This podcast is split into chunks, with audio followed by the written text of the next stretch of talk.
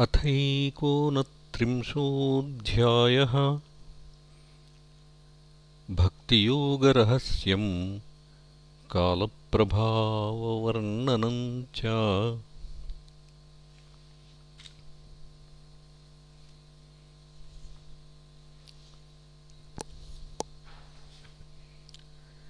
देवहूतिरुवाच क्षणं महदादीनां प्रकृतेः पुरुषस्य च स्वरूपं लक्ष्यतेमीशाम् येन तत्पारमार्थिकम्।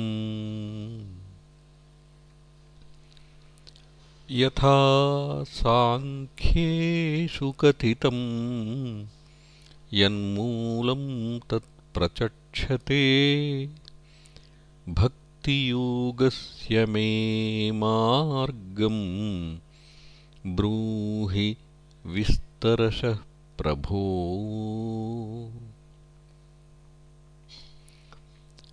विरागो येन पुरुषो भगवन् सर्वतो भवेत्।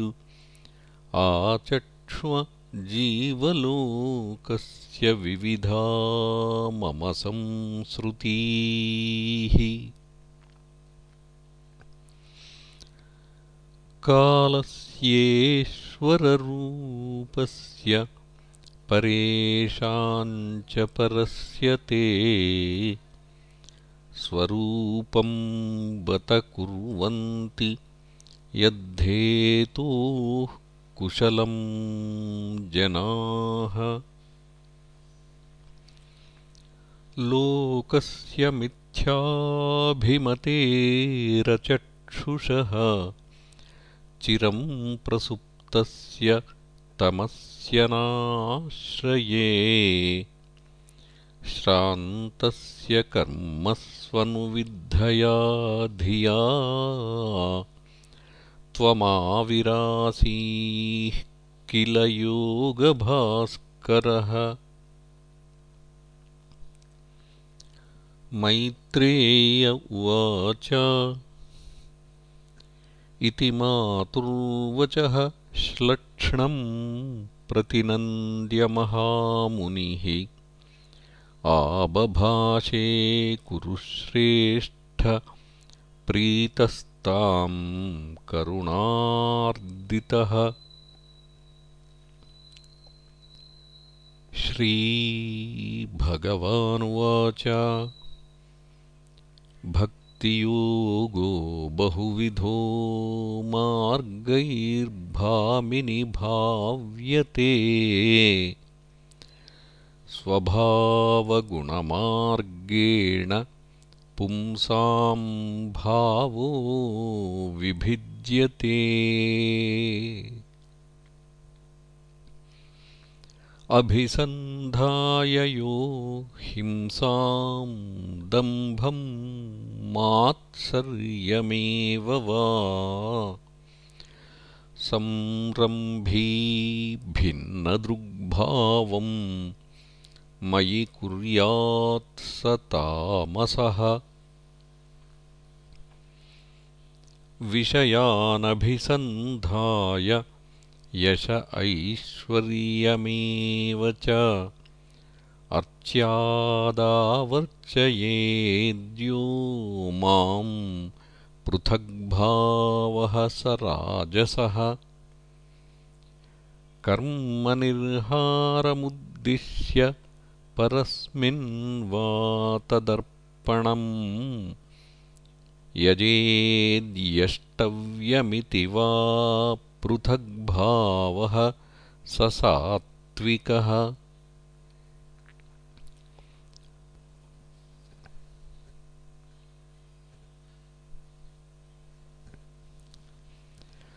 मद्गुणश्रुतिमात्रेण मयि सर्वगुहाशये मनोगतिरविच्छिन्ना यथा गङ्गाम्भसोऽम्बुधौ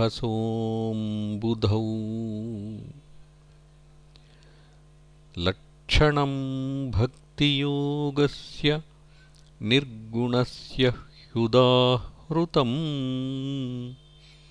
अहैतुक्यव्यवहिता या भक्तिः पुरुषोत्तमे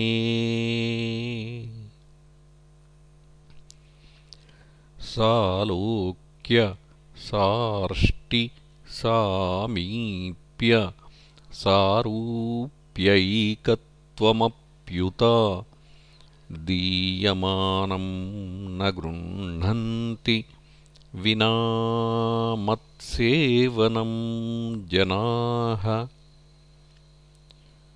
स एव भक्तियोगाख्यः आत्यन्तिक उदाहृतः येनातिव्रज्यत्रिगुणम् मद्भावायोपपद्यते।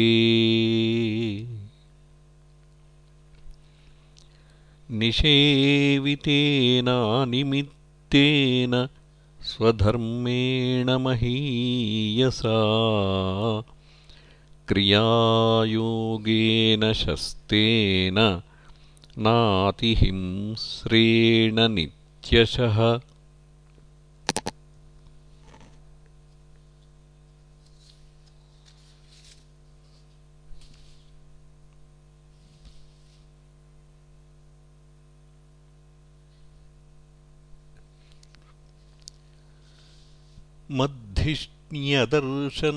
मद्धिष्ण्यदर्शनस्पर्शपूजास्तुत्यभिवन्दनैः भूतेषु मद्भावनया सत्त्वेनासङ्गमेन च। महतां बहुमानेन दीनानामनुकम्पया मैत्र्या चैवात्मतुल्येषु यमेन नियमेन च। आध्यात्मिकानुश्रवणान्नामसङ्कीर्तनाच्च मे।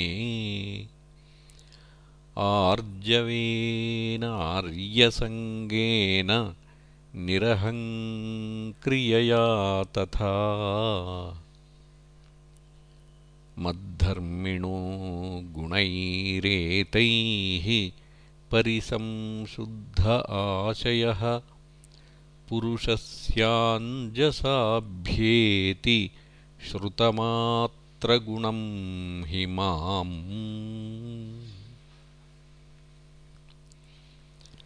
यथा वातरथो घ्राणमावृङ्क्ते गन्धाशयात्। एवं योगरतं चेतः आत्मानमविकारियत्। अहं सर्वेषु भूतेषु भूतात्मावस् स्थितः सदा। तमवज्ञाय मां मर्त्यः कुरुतेर्चाविडम्बनम्।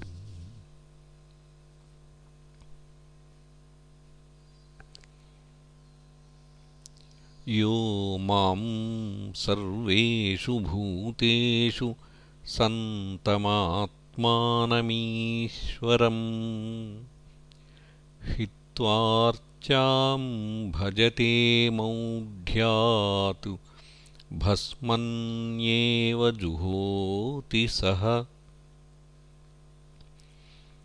द्विषतः परकाये मां मानिनो भिन्नदर्शिनः भूतेषु बद्धवैरस्य न मनःशान्तिमृच्छति अहमुच्चावचैर्द्रव्यैः क्रिययोत्पन्नयानघे नैव तुष्येर्चितोर्चायां भूतग्रामावमानिनः। अर्चादावर्चयेत्तावदीश्वरं मां स्वकर्मकृत् यावन्न वेद स्वहृदि सर्वभूतेष्वस्थितम्।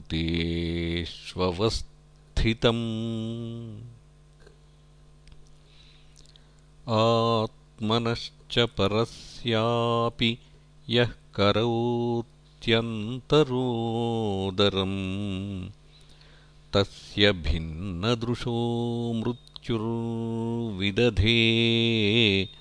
भयमुल्बणम्। अथ मां सर्वभूतेषु भूतात्मानं कृतालयम्। अर्हयेद्दानमानाभ्याम्। मैत्र्याभिन्नेन चक्षुषा जीवाः श्रेष्ठा ह्यजीवानाम्। ततः प्राणभृतः शुभे। ततः सचित्ताः प्रवराः। ततश्चेन्द्रियवृत्तयः। तत्रापि स्पर्शवेदिभ्यः प्रवरारसवेदिनः तेभ्यो गन्धविदः श्रेष्ठाः ततः शब्दविदो वराः रूपभेदविदस्तत्र ततश्चोभयतोदतः तेषां बहुपदाः श्रेष्ठाः चतुष्पादस्ततो द्विपात्। ततो वर्णाश्च चत्वारः। तेषां ब्राह्मण उत्तमः। ब्राह्मणेष्वपि वेदज्ञो ह्यर्थज्ञोऽभ्यधिकस्ततः अर्थज्ञात् संशयच्छेत्ता। ततः श्रेयान् स्वकर्मकृतु। मुक्तसङ्गस्ततो भूयानदोग्धाधर्ममात्मनः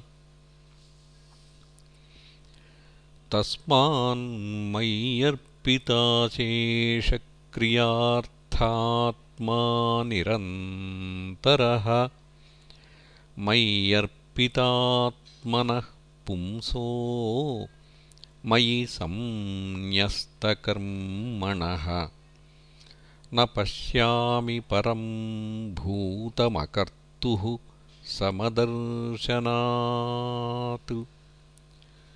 मनसैतानि भूतानि प्रणमेद्बहुमानयन् ईश्वरो जीवकलया प्रविष्टो भगवानिति।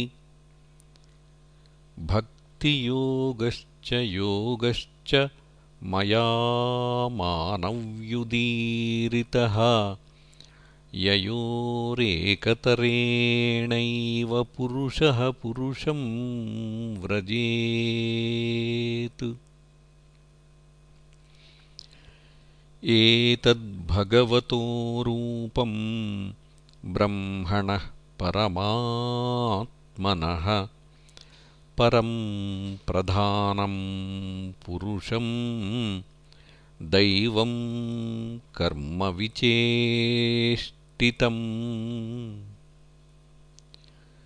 रूपभेदास्पदं दिव्यं काल इत्यभिधीयते भूतानां महदादीनां यतो भिन्नदृशां भयम्। योऽन्तः प्रविश्य भूतानि विष्णुरित्यखिलाश्रयः स विष्ण्वाख्योऽधियज्ञोऽसौ कालः कलयताम् प्रभुः। न चास्य कश्चिद्दयितो न द्वेष्यो न च बान्धवः आविशत्यप्रमत्तोऽसौ प्रमत्तं जनमन्तकृत्। यद्भयाद्वातिवातोऽयम् सूर्यस्तपति यद्भयात् यद्भयाद्वर्षते देवो भगणो भाति यद्भयात्।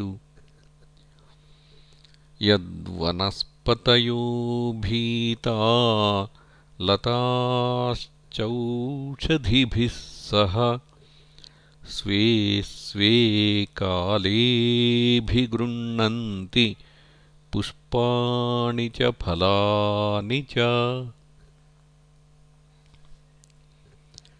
स्रवन्ति सरितो भीता नोत्सर्पत्युदधिर्यतः अग्निरिन्धे स गिरिभिर्भूर्नमज्जति यद्भयात्। नभो ददाति श्वसताम् मार्गं यन्नियमाददः लोकं स्वदेहं तनुते महान् सप्तभिरावृतम्। गुणाभिमानिनो देवाः सर्गादिष्वस्य यद्भयात् वर्तन्तेऽनुयुगं येषाम् वशयेतच्चराचरम्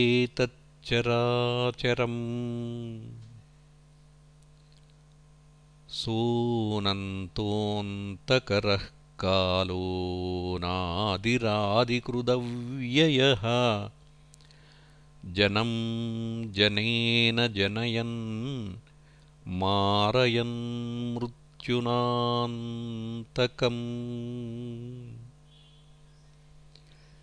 इति श्रीमद्भागवते महापुराणे पारमहंस्यां संहितायां तृतीयस्कन्धे एकोनत्रिंशोऽध्यायः